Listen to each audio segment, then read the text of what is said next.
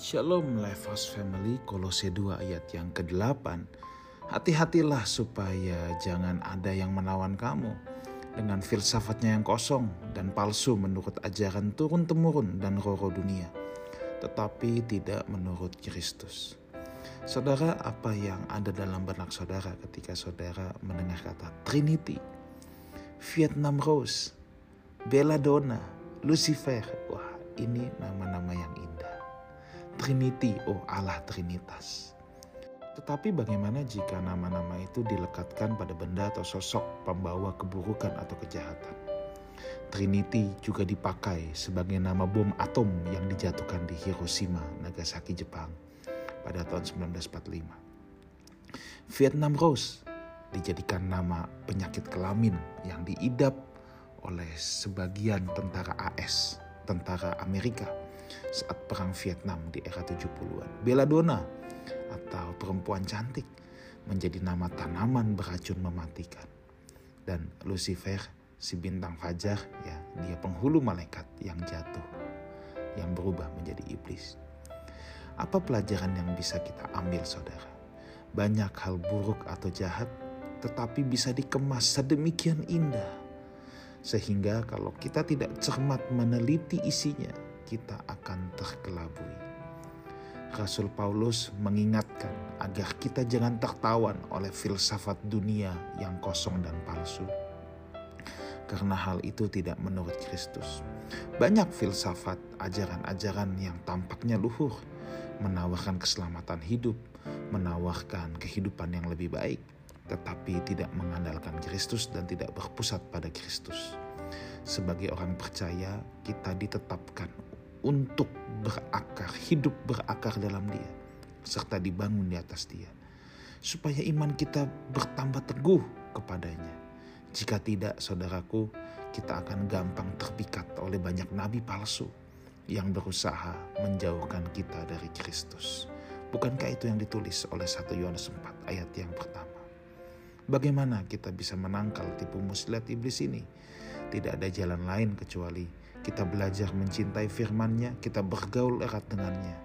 Dengan demikian, kita tidak akan gampang silau oleh nama yang indah, kemasan yang cantik, tetapi kita mampu menguji setiap roh. Apakah hal itu berasal dari Allah atau bukan? Jangan langsung terpesona oleh kemasan. Teliti lebih dulu dengan cermat apa yang menjadi isinya. Hari-hari ini tentunya juga kekristenan banyak diwarnai ya oleh berbagai macam-macam ajaran. Saya mau ajak saudara kalau kita renungkan ke zaman gereja mula-mula, zaman kekristenan baru tersebar, zaman ajaran Tuhan Yesus, zaman Rasul Paulus. Rasul Paulus dan para rasul lainnya mengajar benar-benar dengan hikmat firman Tuhan. Tidak ada tambahan-tambahan yang lain. Tentunya saya tidak menolak tambahan-tambahan yang lain, tetapi sekali lagi tambahan-tambahan itu ibarat hidangan, itu side dish saudara ya, itu side dish side dish jangan menggantikan main course. Kita harus tahu bahwa main course kita adalah firman Tuhan. Main course kita itu firman Tuhan. Hal-hal yang merupakan ilmu pengetahuan ada baiknya untuk kita ketahui ya. Entah ilmu dari mana pun saudara, ilmu motivasi, ilmu psikologi dan ilmu-ilmu lainnya. Seringkali bisa membantu dalam pelayanan dan itu sangat baik. Tetapi ingat itu semua side dish bukan main course. Paulus tanpa ilmu psikologi, ilmu motivasi dan yang lain-lain, dia tetap konsisten memberitakan firman Tuhan dan memang firman Tuhan yang menjadi main course dari inti pemberitaan Paulus. Dan sama halnya, ada banyak orang Kristen sekarang yang begitu terpesona dengan kuat-kuat tetapi tidak pernah baca Alkitab, terpesona dengan quotes-quotes yang nampaknya indah, tetapi tidak pernah tertarik dengan firman Tuhan. Jangan sampai quotes-quotes menggantikan firman Tuhan. Ingat, firman Tuhan itu makanan utama kita. Cintai firman Tuhan, jadikan firman Tuhan menjadi fondasi kehidupan yang paling dasar itulah batu karang kita. Dan di atas itu kita boleh membangunnya dengan berbagai wawasan yang saya percaya juga dapat membantu kita.